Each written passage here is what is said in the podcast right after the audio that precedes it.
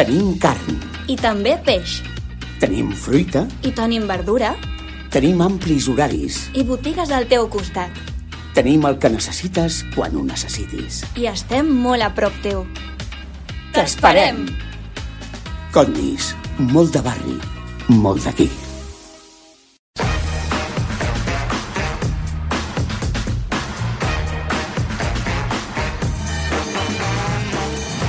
Sabeu que els dijous, a aquesta hora aquí al Mona Racó, ens agrada dedicar-la a la gastronomia. A més, després d'una sessió de constitució de les Corts, eh, s'ha obert l'estómac, hi ha gana, i per això ens acompanya un habitual dels dijous, que és la nostra periodista de gastronòmica de capçalera, la Rosa Molinero. Bon dia, Rosa. Bon dia, com esteu? Doncs molt bé, i tu? Fantàsticament. Sí, um, inter um, interessant la sessió eh, de constitució. A mi m'ha vingut molta gana, eh? Sí, a mi també. uh, Eva Jo, bon dia. Hola, bon dia. Què fas tu aquí, Eva? A mi se'm convida i jo, tot el que sigui parlar de menjar, disposadíssima. I no de qualsevol menjar. No, clar, No de qualsevol menjar. un Per d'aquells que venen de gust, que fan festa. Exacte, perquè avui volem parlar amb un pitzer Exacte. que té 25 anys, que ho està patant a xarxes. És, és pràcticament impossible si ets um, usuari habitual d'Instagram que no t'hagi sortit en algun moment, algun vídeo seu, per molt que no el segueixis. A més, ell el que fa és ensenyar als milers de persones que el segueixen com elabora pizzas al forn de pedra que té al pati de casa seva. Això no ho pot dir tothom. No. Ell és l'Eric Ayala. Eric, bon dia. Hola, bon dia, moltes gràcies per invitar-me. És veritat que no ho pot dir tothom, eh? Un, un forn de pedra al pati de casa seva. No, no, no, jo, bueno, aquest forn de pedra va ser una idea de la meva mare, perquè jo estava començant a fer pizzas i volia posar-me un forn molt senzillet, que no era, no era aquest concepte de pedra així, però ja podia treure una pizza bastant ben parida, i la meva mare va dir, i si posem un forn com Déu mana de pedra? I la meva germana va començar a investigar i, i, vam, i vam plantar aquell forn que pesa 800 quilos allà al, al pati de casa meva. Clar, perquè aquests forns, on, on es compren? Perquè això no, no es pot anar a l'IKEA o No, no, a no, qualsevol no. botiga de... No, no, no. No, t'explico. O sigui, en el món dels forns de pizza napolitana, sobretot, eh, hi han tres grans constructors, per dir-ho d'una manera, que són tres famílies que porten moltes generacions fent forns. En el cas del que jo he posat a la pizzeria de casa meva, o sigui, a la pizzeria del al local, mm. que jo obriré, allà ha vingut Mastro Ernesto, que és una família de quatre generacions que porten eh, molt temps fent forns, o sigui, quatre generacions fent forns. I... El nom entenc italiana, Sí, sí, sí. de Nàpols? Són napolitanos. Mhm. Per exemple, el que tinc, el forn que m'han construït al local, van venir dos napolitanos, l'Ernesto i el seu cosí, i em van construir el forn, van portar totes les pedres d'allà i em van construir el forn allà en directe fixe. I el que em va venir a fer aquest forn, allà al local, és el mateix que va fer el forn de la pizzeria on treballava jo al Terrazzo. O sigui, amb 18 anys va fer el forn amb el que jo he pres al Terrazzo, Mhm. a Nàpoles, i amb 53 ha vingut a fer-me el forn aquí. En canvi, el forn que tinc a casa és un forn més senzillet per començar. Aquests sí que són forns que és com que els prefabriquen allà i després te'ls envien ja directament muntats. Val, a veure, l'Eric a xarxes és Eric Ayala Pizzaiolo, i O-L-O. Què vol dir Pizzaiolo? Pizzaiolo és una pregunta que em fan molt, què vol dir? Clar, Ja, clar. Em, sem em sembla òbvia, però, però, però veig que, que, que no, que costa Sí. d'entendre. Pels dumis? Pizzaiolo és pizzero, és la traducció pizzer, com li vulguis dir. Mm. Eh, però pizzaiolo com a tal és, és, és una cosa molt més filosòfica. Jo crec que un, un pizzaiolo és una persona que, que té una sensibilitat especial i que vol transmetre el seu discurs a través d'una pizza posant ingredients que per ell signifiquen molt, no? Llavors, un pizzaiolo per mi no és una persona que fa pizza, sinó és una persona que té un discurs i el transmet amb la seva pizza. El forn que té el Pizzaiolo, Eric, a casa, té nom, eh, Eva? Sí, exacte. Més, més que el forn, el que té Mhm. nom és l'espai... El- l'espai que ha Exacte, creat el- on- el sí. pati. I no sé si ho pronunciaré bé, ara em corregiràs, eh? si no, Il Gioco dell'Amore. Perfecte. Correcte? Sí, sí, sí. Per què es diu així, Eric?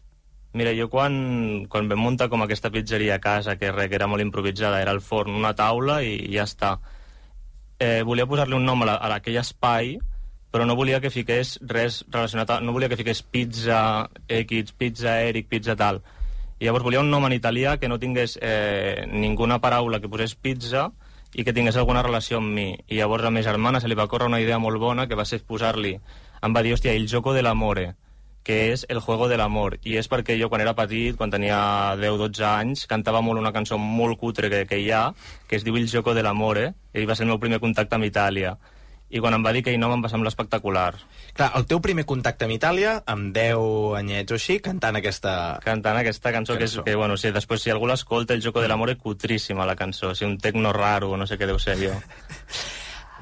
Clar, tu te'n vas a Nàpols. Tu aprens sí, sí. l'art de fer pizzas a Nàpols, no? Sí, sí, sí, sí. Quan hi vas? Mira, jo primer de tot eh, em començo a enamorar d'aquest mundillo perquè començo a veure vídeos de pizza napolitana eh, per internet. Vale? Començo a veure vídeos i, i em comença a apassionar, diguéssim, tots els detalls d'aquest, tot l'ecosistema. O sigui, no em vaig enamorar de la pizza perquè jo la pizza no l'havia provat, la pizza napolitana, però em vaig enamorar dels forns de, le de lenya com són, de com es mouen els pizzeros, els horneros, les aceiteres, tots els detalls, no? I així vaig començar jo a intentar fer coses a casa i no podia. Llavors va ser tot això que vam col·locar el forn a casa, vam fer pizzas pels amics i tot això. Però més endavant eh, vaig anar primer de tot a fer un curs de l'Associació Neverage Pizza Napolitana, que és la que salvaguarda que la pizza napolitana es faci seguint les regles. Uh -huh. És un, un grup de pizzeros que es van reunir en el seu moment i van dir això de la pizza napolitana està arribant a tot el món, anem a intentar tutelar que això no se'n vagi de madre i, que, i, i seguir unes regles. Aquest va ser el primer cop que vaig anar a Nàpoles però quan vaig tornar em vaig quedar una mica amb l'espinilla d'haver treballat, a... d'haver treballat en pizzeria. I, I més endavant, va ser un any després, vaig tornar a Nàpoles ja per treballar al Terrazzo, a la pizzeria on, on he après. Sí, sí, sí. Pizza napolitana, has dit. Pels, això, els aliens de la matèria. Com és la pizza napolitana? L'autèntica, diguéssim. Vale, a veure. La, la pizza napolitana és la pizza, vale? És la pizza... La pizza. Vale, o sigui, ara li hem de posar napolitana al final, Mhm. com per dir-te, això és una pizza, vale? perquè la pizza napolitana és la pizza. Lo- L'altre és el que ha vingut després, han sigut mutacions d'aquesta pizza. Val. Però la pizza va néixer a Nàpoles i va néixer d'aquesta manera, mm, que va molt relacionada amb com és el poble napolitano, mm, un forn de llenya amb una cocció molt violenta, eh, molt ràpid, molt desmadre... O sigui, mm, un carrer de Nàpoles i una pizzeria és el mateix, no? Llavors, la, la pizzeria va néixer allà i va néixer en aquelles condicions. Què passa? Que si tu agafes aquesta pizza amb aquest desmadre i te la portes a Alemanya, Uh -huh. els alemans que es posin a fer pizza diran, bueno, espera't un moment, anem a organitzar això bé, anem a anar tranquils, anem a posar dos forns elèctrics, anem a... I llavors la pizza que surt és diferent, o sigui, eh, en tots els àmbits, no? Llavors, la pizza napolitana és la pizza perquè és com va néixer la pizza. Si, si tu dius per diferenciar-la d'altre tipus de pizzas, la pizza napolitana veuràs que és una pizza molt lleugera, eh, amb, el, amb el borde eh, lleugerament una mica més aixecat de lo normal, amb menys ingredients de lo que estem acostumats aquí, que aquí, per exemple... està Les farcim massa, potser, no? Què? les farcim moltíssim aquí i està tot inundat de mozzarella i tal i el tomàquet ni, ni el noten. Molts cops quan han vingut a provar les meves pizzas el que més m'han dit és, hòstia, el tomàquet perquè és que en les pizzeries aquí, no sé, en Europa en general, fora de Nàpoles està molt oblidat eh, el, el tomàquet, per exemple, i està tot invadit de mozzarella. Llavors, a nivell tècnic, t'hauria de dir que una pizza napolitana és una pizza que s'ha fet en un forn de lenya, 450-500 graus, la massa lleugerament més hidratada de lo normal, i els ingredients sobretot de la zona de Campània, a prop de Nàpoles. És la millor pizza del món, es fa a Nàpols? La millor pizza... De... Però se- seguint rànquings o, segui... o, o, o la meva opinió... La teva opinió com a pizzaiolo. La meva, la meva opinió és que sí, la meva opinió és que la Sí, eh? millor pizza que la millor pizza de, del món es fa a Nàpoles perquè segueixen havent-hi pizzeries tradicionals que fan la pizza que feia el, el seu avi. Uh -huh. I per mi això és el que m'agrada d'una pizzeria i és les pizzeries que acostumo a anar. Si ens posem en rànquings i tal, que ff, no estic molt Ja, d'acord. Ja. el més, el més prestigiat és 50 Top Pizza i ara mateix diu que la millor pizzeria està eh, a Caserta, que està a prop de Nàpoles, però no és a la ciutat de Nàpoles. Mhm. I és una pizza nova que, que està sortint, que és la pizza contemporània, que per mi perd una mica l'essència de, de, dels valors de, del pizzaiolo. Eh, T'explico una anècdota que ara, que ara m'ha vingut al cap. Fa no gaire, amb uns amics vam estar a Sicília, precisament, i parlant amb, amb una siciliana li vam dir, hosti, estem buscant llocs doncs, per anar a menjar doncs, bé pasta i bé pizza, i quan li vam dir pizza amb ella, siciliana, va dir pasta sí, d'acord, la millor pasta d'Itàlia es fa aquí a Sicília, però de debò que esteu buscant pizzeries a Sicília, i ens va dir, vosaltres que sou de Catalunya, que sou de Barcelona, allà es fan molt millor pizzas que aquí. És cert que es fa bona pizza a Barcelona, es fa bona pizza a Catalunya? Hòstia, és que saps què passa? Que de veritat que em fan molt aquesta pregunta i no sé si hauré de començar a anar per respondre-la, però és que... Eh, No hi vas, eh, pizzeries Fa d'aquí? molts anys Bueno, clar, te les fas tu, que, les que, que no vaig a pizzas a Barcelona, perquè diguéssim que no vaig a sopar fora molt, i quan vaig vaig a altre tipus de llocs, però qu quan m'inflo de pizzas és quan vaig a Nàpoles perquè tinc mil coses que vull provar i tal. Llavors Mm. no acostumo a anar. Sí que és veritat que no sé si a Barcelona o en Europa en general i tal està evolucionant molt el món de la pizza, per Mhm. tant ja no passarà que eh, per menjar-te una bona pizza t'hagis d'anar a Sicília, com dius tu. Uh -huh. És que també, canviant una mica de tema, també hem de diferenciar molt Nàpoles de la resta d'Itàlia, eh? no? O sigui, a Nàpoles, ciutat, es fa la pizza com era abans. A la mínima que et canvies de ciutat, ja estem canviant. O sigui, quants més quilòmetres t'allunyes de Nàpoles, la pizza més va, ser, va, va, va, va tenir una, una mutació cap a algo que ja no s'apropa gens, saps? Llavors, al nord d'Itàlia no fan millor pizza que nosaltres. I probablement a Sicília, a baix de tot, tampoc. No ho sé perquè no he anat mai. Però és bàsicament això, o sigui, pizza de veritat quan vagis a Nàpoles. Més a dalt, més a baix, jo ja no t'ho sé dir, però a la que et canvies de ciutat, canvia molt el concepte. Rosa, tu que per la teva feina has hagut de tastar de tot i més, hi ha hagut alguna pizza molt estranya que hagis hagut de menjar algun cop que digues, per favor, Molt això estranya. no ho feu més.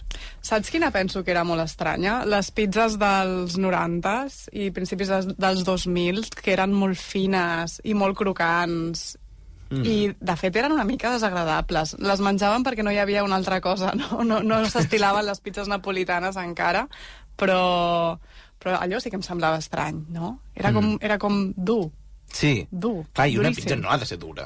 Això a Nàpolis, o sigui, aquest tipus de pizzas li diuen biscotto, que seria com galleta, saps? O sigui, que és com una galleta que és, és tot crujiente i tot fi, no? No, la pizza no hauria de ser així. La pizza ha acabat sent així perquè la gent eh, no té un forn de, de llenya que arribi a aquestes temperatures, hidrata la massa molt menys, per tant ten, tens una cosa molt seca, que ja la poses després en un forn que t'ho secarà molt, i tens la pizza allà dintre 5-7 minuts quan hauria d'estar un. Llavors, allò acaba mm, o sigui, crujiente, saps? Acaba que, que no, acaba molt sec. Mm -hmm. I més enllà de com fem aquestes pizzas, consideres que ens les sabem menjar? Quin... eh, Seguim el procediment que toca? Hi ha alguna manera de menjar-se una pizza? No, la- no l'acostumeu a seguir el procediment que toca. Com I hauríem de fer, a veure? Simple. A veure, a Nàpolis hi ha dues maneres. Una la trobo molt salvaje i l'altra la trobo la que faig jo, vale? Preferiu que comenci per la salvaje o per la normal? Mm, No, la salvatge pel final. Vale. O sigui, la normal és, t'arriba la pizza, la divideixes en quatre trossos, Sí. i llavors, tal qual, doblegues la massa, l'has de doblegar així, i si se't cau una mica per davant, ho tires cap sigui, a fas, dintre. fas com una U, deixant els ingredients a dins de la U. Sí, i sobretot així, quatre trossos, eh, només. Quatre trossos que el que et fa és un, et fa triangles. Sí, llavors fas així i et menges el tros. Mm. Quan t'acabes un tros, t'has de menjar el borde, sobretot. No em deixis tot el borde pel Ui, final. ui, no, no. M'estic atabalant, eh? Això, això, això. Aquesta gent, aquesta gent, aquesta gent Clar, de no en menjar-se les cantonades de la pizza. És que no n'ha entès de què No va n'ha això entès res. No n'ha entès la vida en general. Uau. Sí, no no n'ha entès que hi ha altibajos, que, que, que, que no, no es pot estar tot el rato eh, en un èxtasis, m'entens o no? clar, no es clar. pot. Necessitem... El, a, la primera mossegada que faràs t'emocionarà, o sigui, et recordarà l'últim cop que has anat a la pizzeria, tal. Quan t'estàs acabant el primer tros, necessites menjar-te aquest borde, perquè necessites relaxar-te. És molta emoció, és molt tal. Pues amb el borde, tal, suques una mica de tomàquet, pilles algun ingredient, i després tornes amb el següent tros i et torna a entrar una cosa dintre que no és tan bèstia com la primera mossegada, però Bueno, tornes, Perquè no? la primera vegada sempre és la, primera vegada. La primera mossegada no la viuràs mai. La gent que està parlant a, a la pizzeria i tal i no sé què, quan t'arriba la pizza, la primera mossegada, calla't i no parleu, sisplau, de veritat t'ho dic. Menges les cantonades, tu, Rosa? Me les menjo i faig això que diu ell de sucar, o si ha una miqueta d'oli i tal, poso una mica d'oli i me les menjo. I a més, si la pizza és bona, m'hauré menjat totes les cantonades. Si ja em començo a quedar com superfarta, Ja.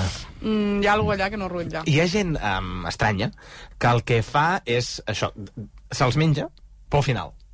Ja, Ens fa la cosa no. aquesta de va menjant-lo de dins i després dius, quan ja estàs tip o t'has quedat bé, perquè bé, després encara et queden totes les cantonades, però mira, jo aquí, amb orgull, m'ho acabo. No, No, no, no, que ja, ja. patint dient, però que, bueno, és que t'estàs menjant això sec ara. I no, no, no, allà, que jo m'ho acabaré, m'ho acabaré, doncs vinga, endavant. Per tant, aquesta seria la forma, la que tu fas, La, la normal. que és quatre trossos, insistim, per tant et queden quatre triangles, i fer en forma de U, deixant els ingredients a dins i començant per la punta de, el que seria el centre de la Sí, pizza. sí. Cap a fora, ens acabem la cantonada i anem a pel segon tall. Quatre, eh? No, no vuit.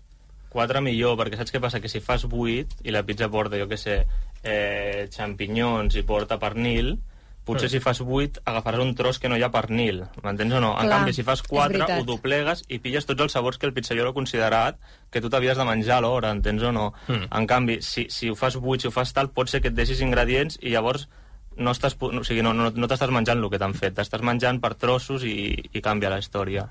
La forma salvatge. La forma salvatge que fan, els, pizza. que fan els napolitanos ve de, de la pizza portafolio, que era com, més o menys com va començar la pizza a Nàpoles, que era, eren unes pizzas més petites que es feien, les doblegaven, diguéssim com meitat i l'altra meitat. No sé si m'explico, saps? Com dos meitats així, i llavors la gent s'ho menjava pel Com, carrer. com? A veure, torna-hi, torna-hi, torna Com t'ho puc explicar? O sigui, a veure...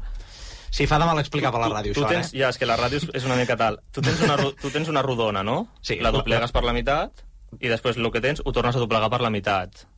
M'explico o no? Però tota la pizza? Tota, tota. O sigui, fas... Eh, converteixes la pizza en una mena en de un crep, calzone... com si ho convertissis en un crep, per dir-ho d'una manera. Va, o sigui, fas un plec, per tant, eh, et queda ja una meitat, I amb tot a dins, i en fas un altre. Un altre plec. Així és com van començar les pizzas, es feien margaritilles tal, anaven pel carrer i se les menjaven així.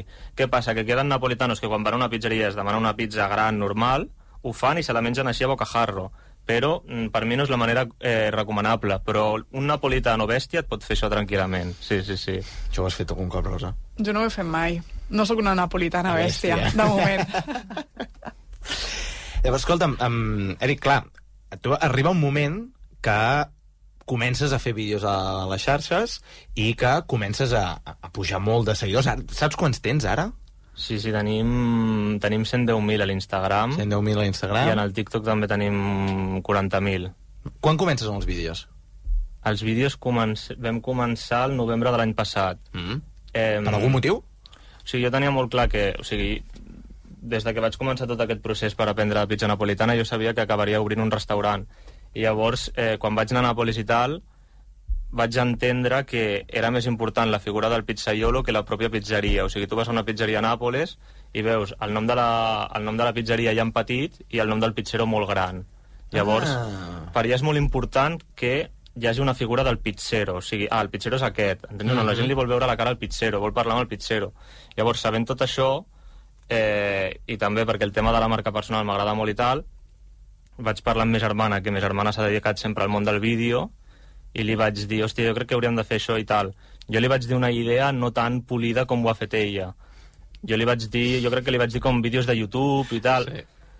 I llavors ma germana va agafar com el boceto que jo tenia i el va perfeccionar i, i, i llavors ella és la que, la que s'encarga de tot el tema dels vídeos. O sigui, ella em diu, hòstia, hem de fer aquests vídeos, tal, ho prepara tot. O sigui, jo realment l'únic que faig és sortir. Quan la gent diu, hòstia, vídeos molt bons, dic, és que jo només surto allà. La Clar. que fa tot el treball és ma germana. Clar. Està a la sombra. I a més has creat com tota una narrativa perquè no només ens expliques com elabores les pizzas, sinó que també un dels formats que has fet en alguna ocasió eh, són cites entre dues persones en l'espai aquest on tu fas pizzas, el Joco de l'Amore.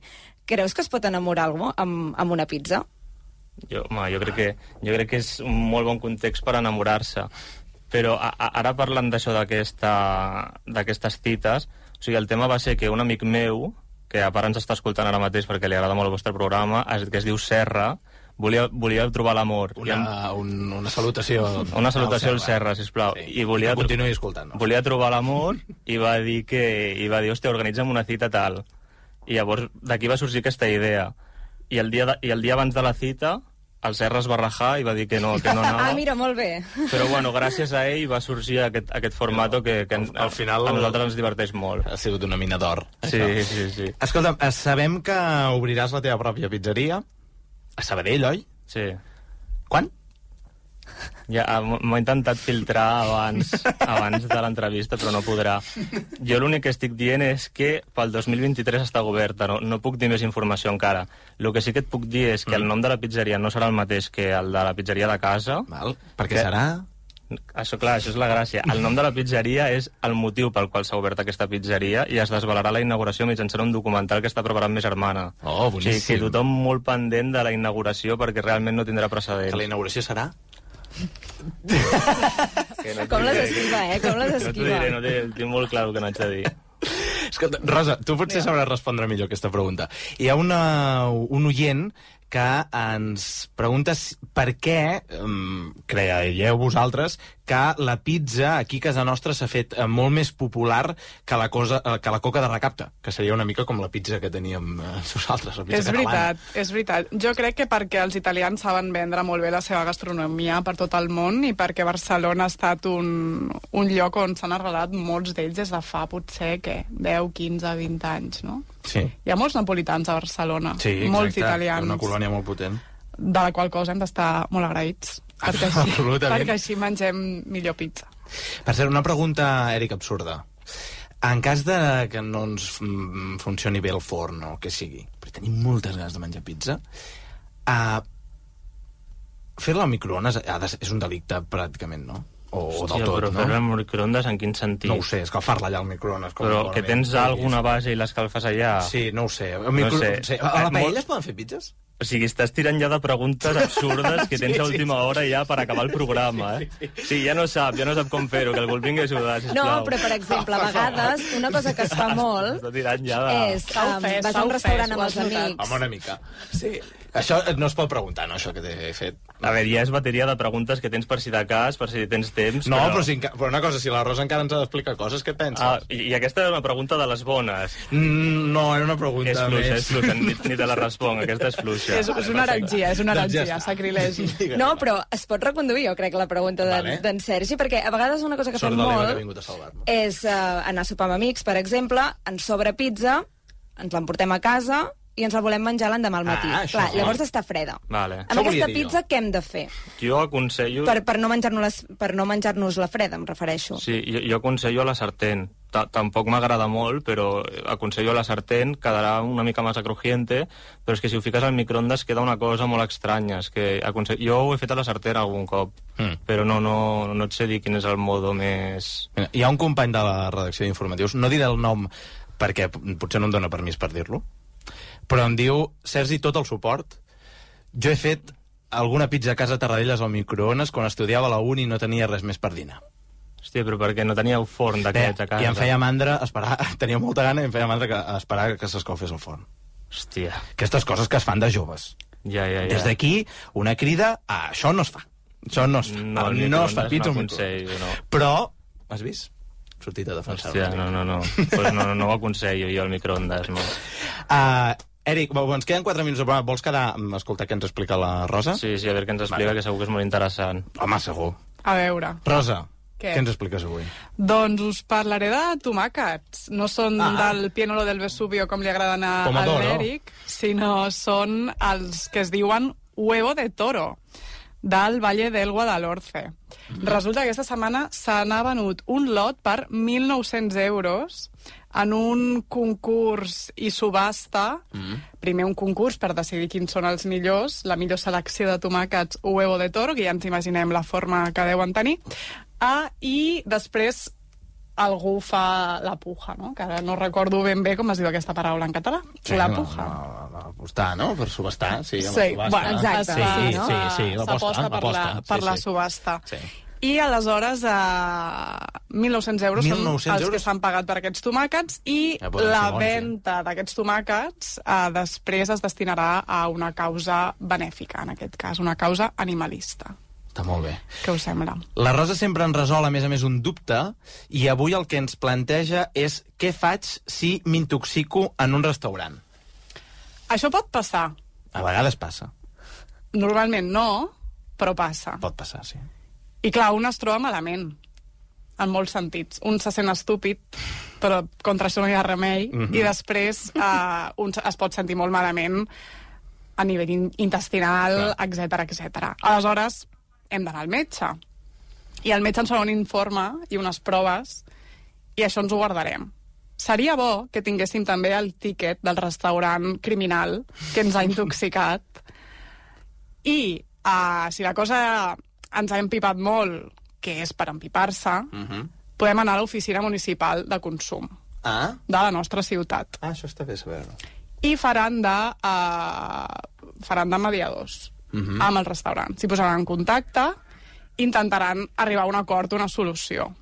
Si el restaurant no està per massa romansos, uh, hi ha l'opció d'obrir uh, una causa civil i l'oficina pot enviar una inspecció de sanitat al restaurant per aviam què ha passat. Val. Si l'ensadilla està ballant el reggaeton allà a la barra o, O què, què, no? o què és el que està passant. Val. I si la cosa és molt, molt greu, ja és una, un tema d'una de, una demanda uh -huh. per lo penal, per danys i prejudicis.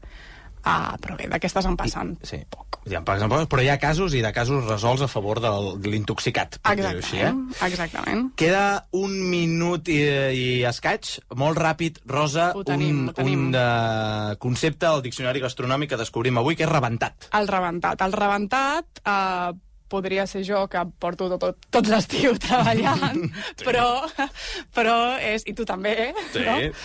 Però és, uh, és el que anomenem un cigaló. És un cafè amb licor. Normalment Ah. s'utilitza aquest terme a les Balears i algunes zones del País Valencià. Un rebentat, eh? Un rebentat. Per aquí no ens entendran, no?, si ho diem o...